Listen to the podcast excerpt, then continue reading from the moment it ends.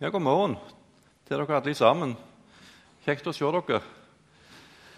Um, vi skal fortsette i dag på den, eh, denne reisen vi har hatt her i høst, uh, i denne Efesus-menigheten. Og Der er det utrolig mye interessant, og vi har jo vært innom mange ting allerede. Men jeg har lyst til at før vi går løs, så ber vi litt i lag. Herre Jesus, jeg har lyst til å takke deg her for at du er her. Når du er her, så kan vi få lov til å være i forventning, Herre, til hva du kan få lov til å si oss inn i våre liv. Når du så kjenner oss, Herre, til det innerste av det innerste av vårt hjerte. Du, Herre, kan få lov til å tale til oss. Nå har jeg ganske enkelt lyst til å bare be deg om at tale, Herre. Tal, Herre, for eh, vi ønsker å lytte til deg. Vi ønsker å høre til hva du har å si til oss. Tal inn i vår liv. I ditt navn. Amen. Overskriften eh, for denne høsten er jo den første kjærlighet, som iallfall de som har vært her i tidligere høst, vet om. Og Det er jo henta fra Johannes' åpenbaring kapittel 2, der det står om en menighet det er Johannes som får beskjed fra Gud om å skrive til denne menigheten. Og De hadde faktisk forlatt sin første kjærlighet. Eh, men vi har også hørt tidligere Vi har ikke kommet til den, og det skal vi komme antageligvis til neste, neste søndag. Jeg preker, iallfall. Men vi har hørt tidligere om, eh, om hvordan denne menigheten starta opp. Um, hvordan Gud skapte en forandring i mange menneskers liv både i denne byen og hvordan Guds ord spredde seg rundt til hele den romerske provinsen Asia. Det står faktisk at alle som bodde i Asia, fikk høre Herrens ord. Um, og Etter at Paulus hadde vært der i tre år, så, så reiste han videre. Og han kom aldri mer tilbake igjen til denne, denne byen. Og han traff riktignok de eldste i Efesus på et senere tidspunkt. Det kan du lese om i kapittel 21 i Apostlenes gjerninger. Men så går tida, og så går åra. Og ca. ti år etter så, så um, sitter Paulus i uh, fengsel. Og han får beskjed fra Gud om å skrive et brev til denne menigheten i Efesus. Eh, vi var litt innom det sist gang, helt i starten i eh, Feserbrevet. Nå skal vi gå litt videre. Men se for deg, det er ti år siden eh, Paulus besøkte denne menigheten. Og Nå har de altså fått brev fra Paulus. Jeg vet ikke helt hvordan det brevet så ut, men det var sikkert mer heftig enn når vi får brev. Det var sikkert mer solide greier de fikk i hendene. Ehm, men tenk da hvis Paulus hadde vært her i i Bergen det kan jo være en sånn, eh, Da setter vi kanskje litt inn i perspektivet. da. Og Han hadde vært her eh, ikke bare innom på en kort visitt, men han hadde vært her i tre år. Um, og De opplevde store ting her i Bergen, og Betlehem ble etablert som et resultat av at Paulus var, hadde sin virksomhet i Bergen. Det er jo en tenkt, eh, tenkt situasjon. Uh, og Se for deg da at uh, ti år etterpå så um, sitter du med brev fra Paulus i hendene. Det hadde vel vært en, en, uh, god grunn til å kalle inn til et uh, ekstraordinært medlemsmøte, uh, vil jeg tro. Og jeg tror òg at, um, at det hadde vært en ganske god gjeng som hadde vært akkurat på det medlemsmøtet når brevet fra Paulus skulle bli lest opp. Hadde jeg vært en del av den uh, menigheten der, så tenker jeg at jeg hadde, vært, jeg hadde vært rimelig spent på hva i all verden er det som kommer nå. Har han noe å si til oss personlig? Så sitter de her i, uh, på dette Jeg tror de må ha hatt et sånt møte der de leste opp dette her. Så sitter de da og hører når de leser opp brevet fra Paulus. Så leser de det de første 14 versene i, uh, i Efeserbrevet, der, der Paulus uh, formelig pøser på med Jesus.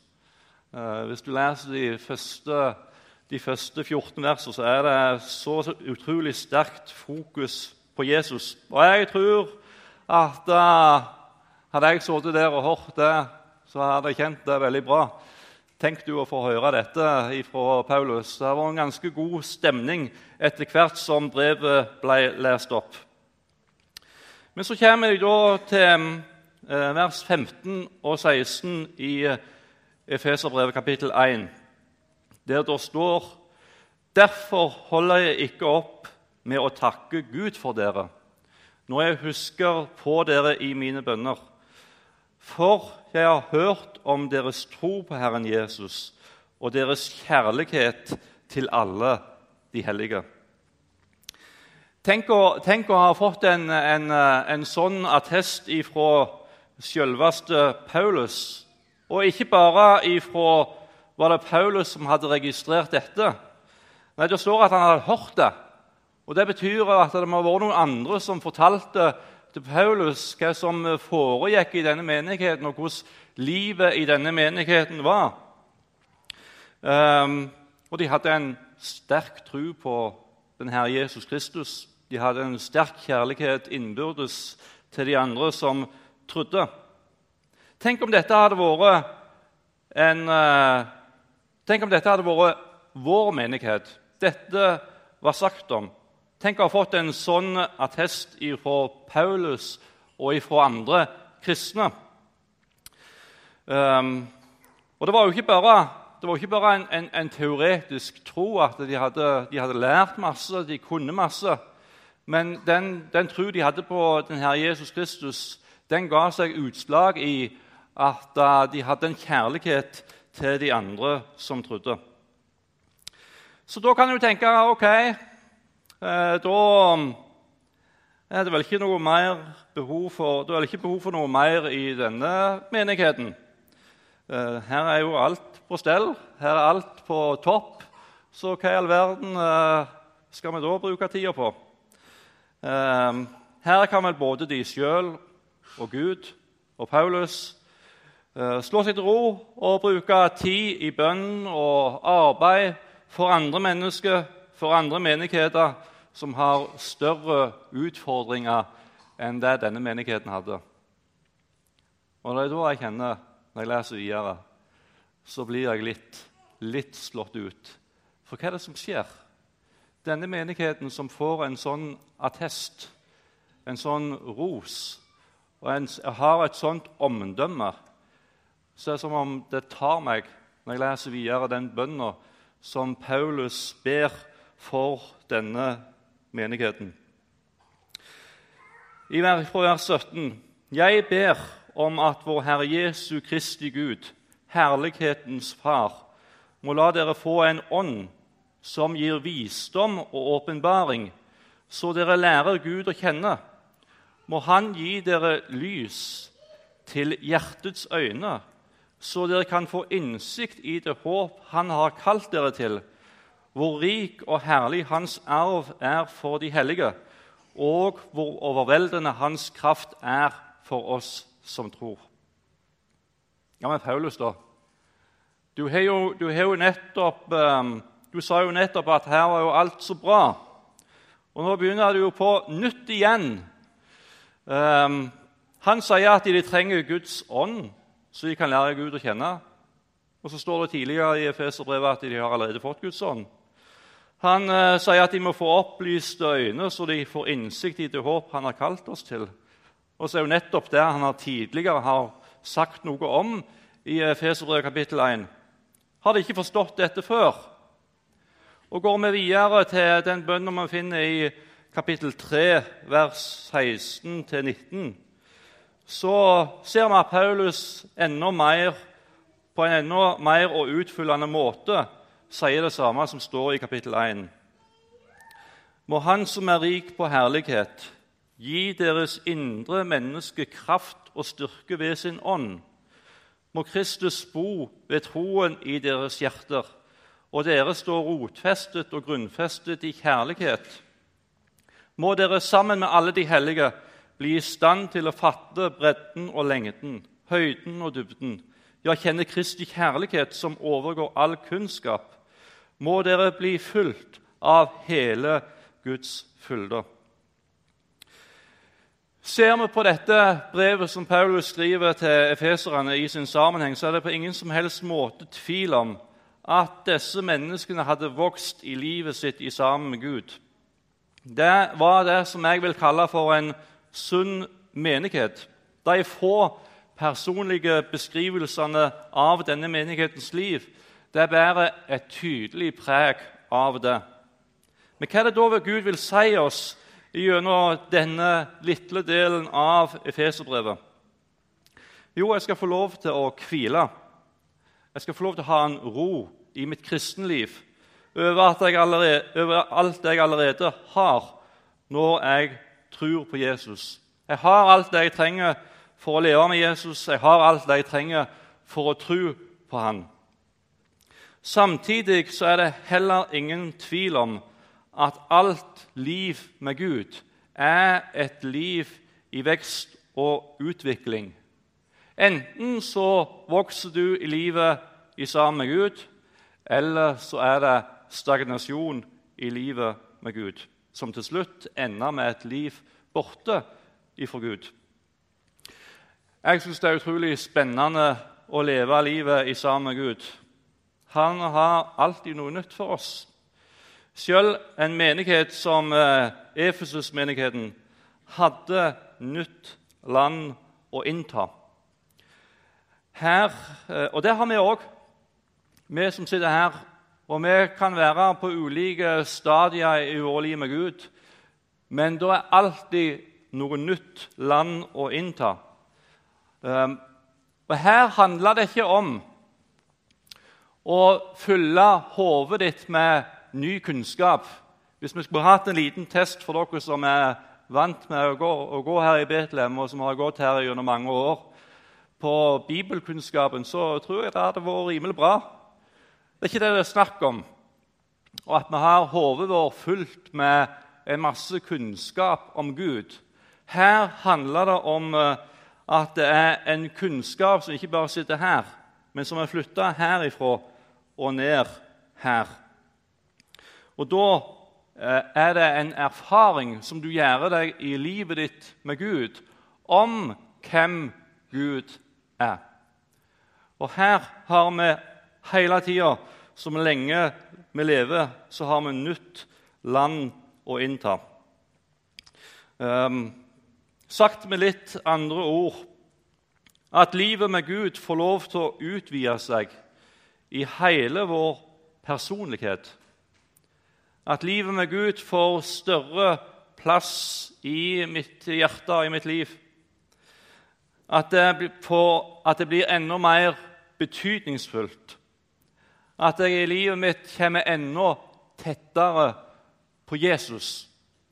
Og Det er det som eh, Paulus hvis jeg skal si det med litt enkle ord, det er det Paulus ber om for disse som bor i Efesus, og som er kommet til tro på han. Kom enda tettere på Jesus. Kom enda nærmere han. Du har enda mer du kan få lov til å erfare i livet i sammen med han. Du er ikke ferdig, du er ikke finito. Du har ennå nytt land å innta. Denne lengselen etter Gud og stadig utvikling av fellesskapet med Gud står det mye om i Bibelen. Bare noen ganske enkle eksempler fra andre plasser i Bibelen. Fra 2. Korinterbrev kapittel 4, vers 16 så står det derfor mister vi ikke motet.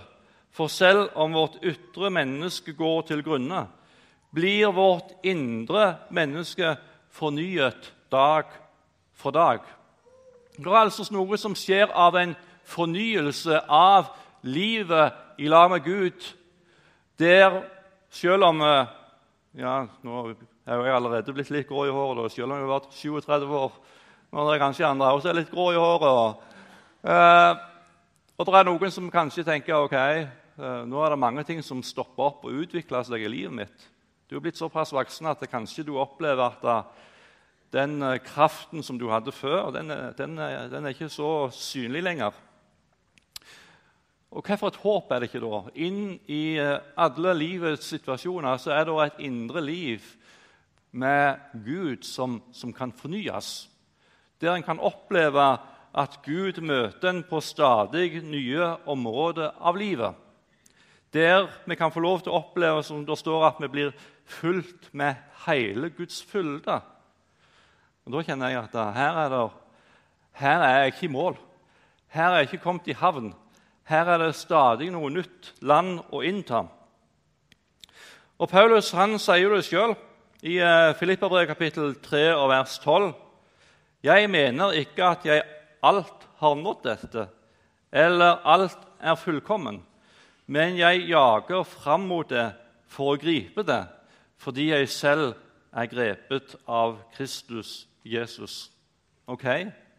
Når Paulus kunne si det, at han tror ikke alt han har nådd eller allerede er fullkommen, men han jager etter det fordi han er grepet av Jesus sjøl, så skulle vel kanskje vi sette oss ned i all ydmykhet og si ja, vi har ennå nytt land å innta.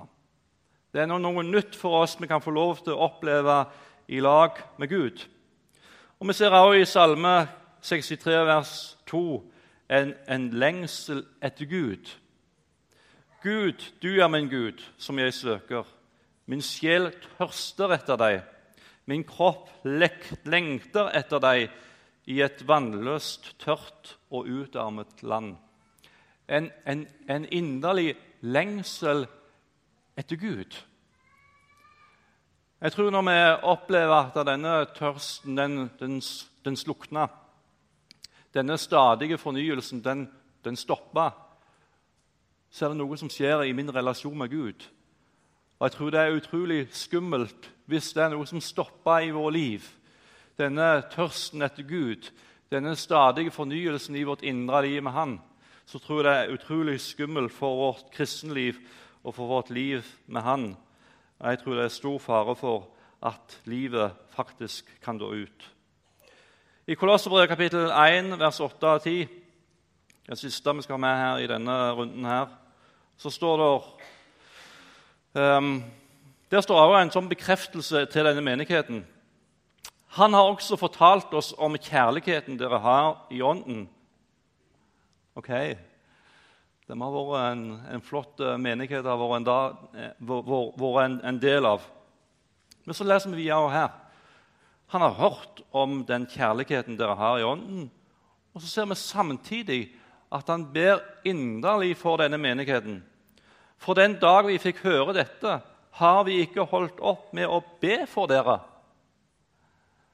Hvem er det vi ber for når vi ber? Jo, vi hører om folk som har det vanskelig. Vi, hører, vi registrerer kanskje om folk som er kommet litt på avstand, og så ber vi for dem. Og de som har alt, Vi tenker iallfall at de har alt på stell. De ber vi ikke for. Her ser vi noe utrolig flott i Paulus sitt bønneliv med Gud.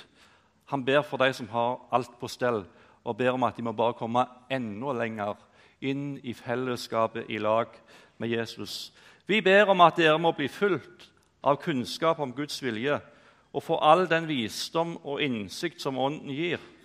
Da kan dere leve et liv som er Herren verdig, og som helt og fullt er til glede for Ham, så dere bærer frukt i all god gjerning og vokser i kjennskap til Gud. Det er først når vi opplever at Gud møter oss på stadig nye områder av våre liv, at vi kan oppleve det som står herrene og få kunnskap om Guds vilje og leve et liv som er Herren verdig, og et liv som er helt og fullt til glede for ham. Stopper denne fornyelsen opp, så tror jeg det stopper også noe i våre liv som gir seg utslag vår, til våre medmennesker. Um,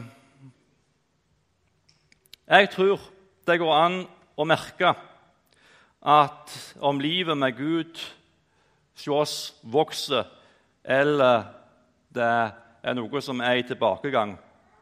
Du vil merke det i ditt liv med Gud om uh, hvordan det er i forhold til din avhengighet av Jesus. Andre vil merke at det skjer noe med livet ditt. Trua gir seg utslag i eh, gjerninger som andre nyter godt av. En merker at det skjer en utvikling.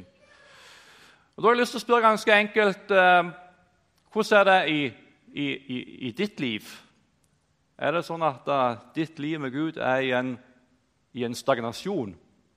Eller er det sånn at du opplever i ditt liv med Gud at det er en, en fornyelse? Jeg skal si litt om hvor, Du skal få høre litt fra meg litt, litt senere. Men jeg har lyst til å stille bare det ganske enkle spørsmålet. Hvordan er det du opplever det i ditt liv med Gud?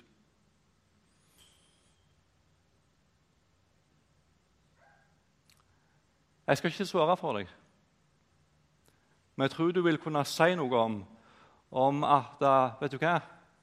Jeg har, jeg har, aldri vært så glad i Jesus som jeg er nå. Jeg har aldri kjent en sånn, en sånn um, avhengighet av Han som det jeg gjør nå, i mitt liv med Gud. Eller kanskje er det sånn at uh, det er så mange ting som har kommet inn og fått plassen som Jesus skulle ha hatt.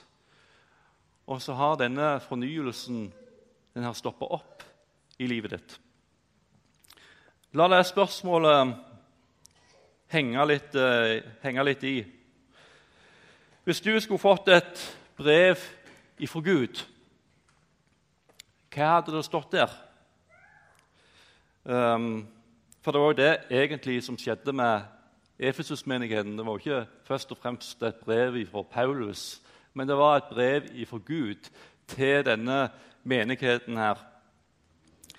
Um, hva hadde det stått hvis uh, Jeg har ikke svaret, men, men, men, men la, det, la, det, henge der, og at du kan reflektere litt over det.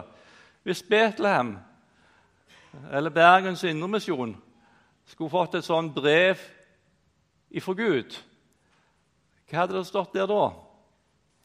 Hva hadde vært attesten som, eh, og omdømmet som eh, menigheten Betlehem, eller forsamlingen Betlehem hadde fått? Um, og For å være enda mer presis Hvis du skulle fått et personlig brev ifra Gud, hva hadde det stått i uh, de beskrivelsene som kom fram i uh, et, sånt, et sånt brev? Um, nå tror jeg av og til at det kan være vanskelig å bedømme, men jeg tror kanskje du vil ha en anelse om hva han ville skrevet. Noen ville ha fått ros, akkurat som denne menigheten i Efesus. Andre igjen hadde kanskje fått noen ord som uh, kunne gi hjelp til å gå noen steg i en ny retning. Andre igjen hadde kanskje fått noen ord om at du er fullstendig på feil kurs, eh, og et kall om å komme tilbake ifra Gud. Hvor er du henne? Hvor er du henne? Og Jeg stiller ikke disse spørsmålene for å gjøre livet ditt vanskeligere for deg. Men jeg stiller disse spørsmålene for at jeg ønsker å hjelpe deg. Samme hvor du enn er, så ønsker Gud å føre oss nærmere inn til Han. Om du er kommet milevis ifra Gud, så ønsker Gud at du skal komme nærmere inn til Han. Om du skulle ha gått noen steg i feil retning, så husk at Guds rike er et rike som er fullt av nåde.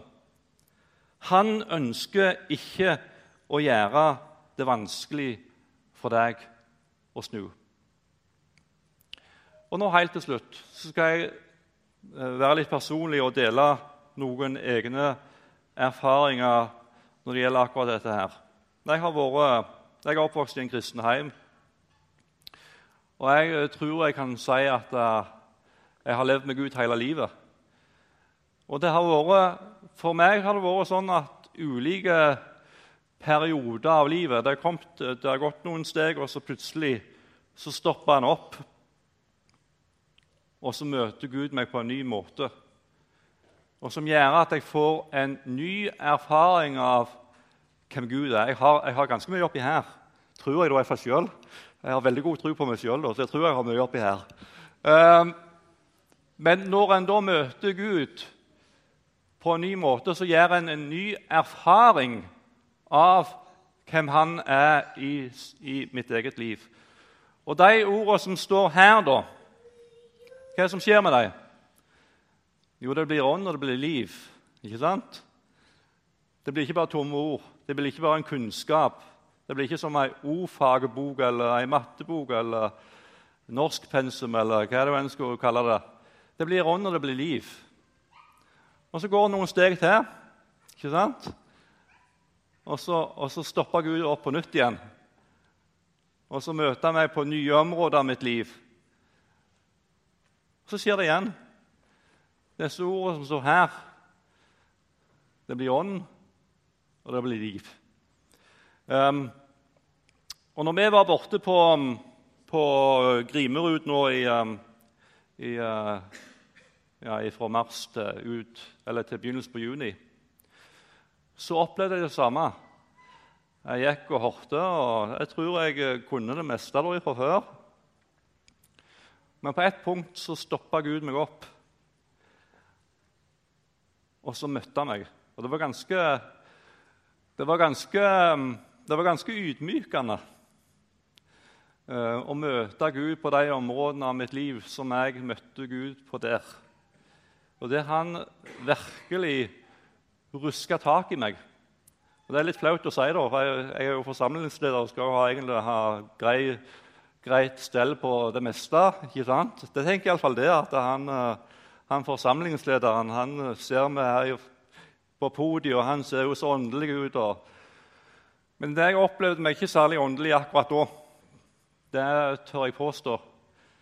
Eh, og Gud, opplevde meg, eh, Gud møtte meg på områder av livet mitt som jeg egentlig kjente på en smerte i forhold til. Um, og da å få lov til å være i et, et fellesskap ikke, der det ikke sto Ja vel, OK, du har noen utfordringer her. Må, nå må du skjerpe deg. Det var ikke det jeg hørte.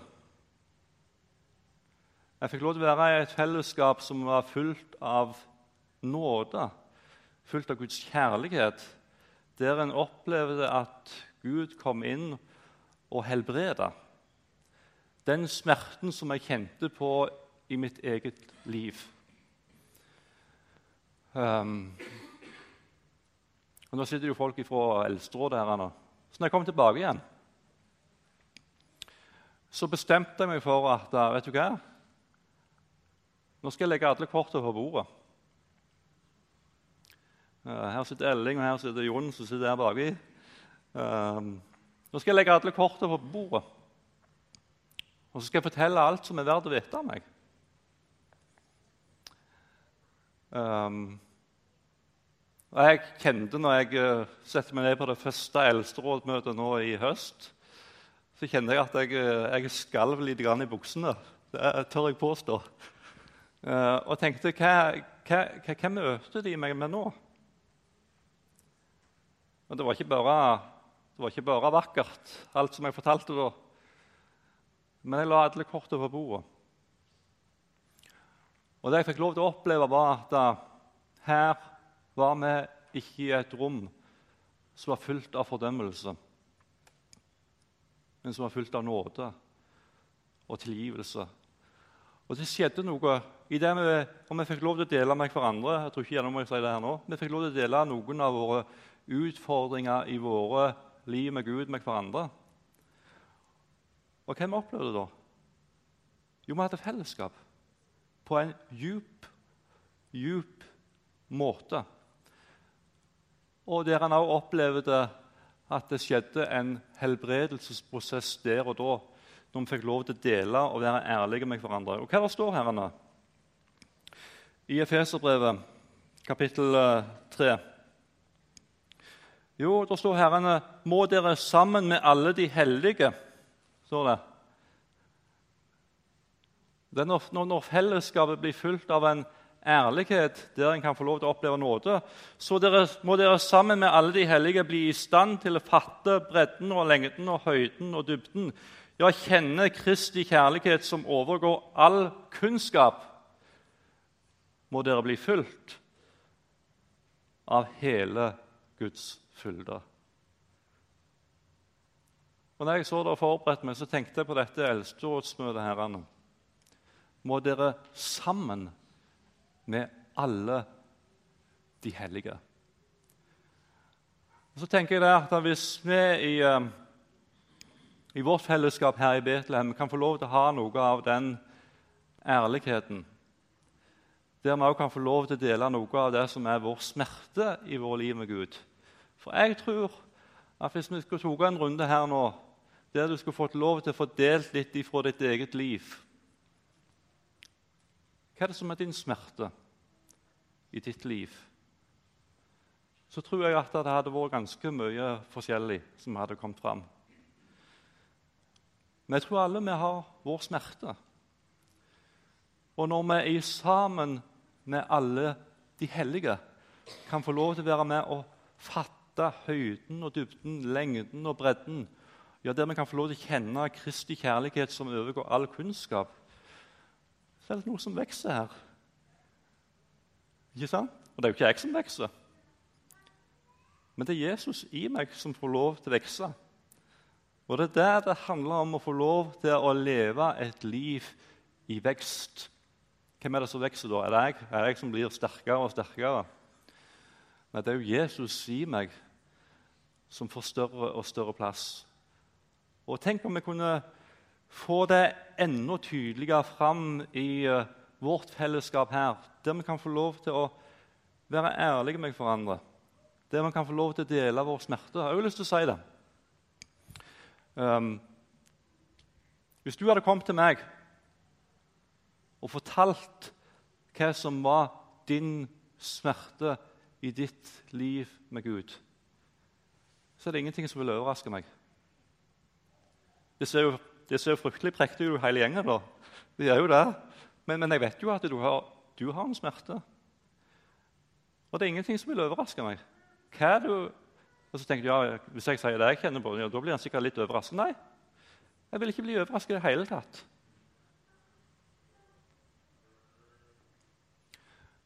Men tenk om vi kunne få lov til å bare dele den smerten og få lov til å gå til Jesus med den smerten i fellesskapet og få lov til å legge det fram for han. Så tror jeg det kan få lov til å skje en helbredelse i våre liv med Gud, der vi opplever at Jesus i oss, han vokser. Så det er min oppfordring til dere i dag. Eh, vær ærlige. Nå er ikke alt en skal fortelle fra en talerstol. Det tror ikke jeg. Men finn noen å prate med. Finn noen å be i lag med. Der du kan få lov til å dele noe av det som din smerte. Og så håper jeg jo at vi kan få, få kunne være ærlige, sånn som jeg har fått lov til å være i dag. Jeg har ikke lagt ut om alt, jeg, men, men jeg har vært noe ærlig. Det har vist noe av at jeg har hatt noe smerte i mitt liv. Men Gud har kommet inn, og han får lov til å helbrede på innsida av skjorta. Og han får lov til å vokse i våre liv med Gud. Um, så hvor er du hen? Gud ønsker å møte deg der du er. Vi tenker ofte at vi skulle ha vært kommet så mye lenger. og vi skulle ha vært, vi skulle ha vært, vi skulle ha vært der. Ikke sant? Men nå er jeg her, og du er der. Og Gud ønsker å møte deg akkurat der du er. Og han ønsker å føre deg tettere til seg og lenger inn i et liv og et fellesskap med Gud. Nei, Jesus, det har jeg lyst til å takke deg for. Jeg har lyst til å takke deg for at du uh, du er en god Gud. Og takk for at jeg har fått lov til å møte deg gjentatte ganger i uh, mitt liv. her. Nå tror ikke jeg at jeg har kommet til endes, Herre. Jeg tror du har noe nytt for meg, Herre Jesus. Nytt land å innta. Jeg har lyst til å bare be om at du vet hvor jeg er, Herre. Jeg har lyst til å be deg om at du må føre meg enda lenger inn i både erkjennelse og der jeg får lov til å erfare enda mer av hvem du er, Herre og hva du har for meg, og hva du har gjort for meg, og hva du vil være for meg, Herre. Og Nå vet du Herre, hvor hver enkelt som er her inne, og nå vet du hvor de er, Herre. Jeg har bare ganske enkelt lyst til å be om at du må komme til hver enkelt, Herre, der vi er, og lede oss enda tettere til deg, Herre, og enda dypere inn i et fellesskap med deg. Takke og prise deg, Herre, for at du ikke møter oss med forakt. Du møter oss ikke med fordømmelse, Herre. Men vi får lov til å komme til deg inn i et rom som er fullt av nåde og oppreisning, Herre. Og der vi kan få oppleve også helbredelse i forhold til det som er vår smerte i vårt liv, Herre. Prise og opphøye ditt navn, Herre, for den du er.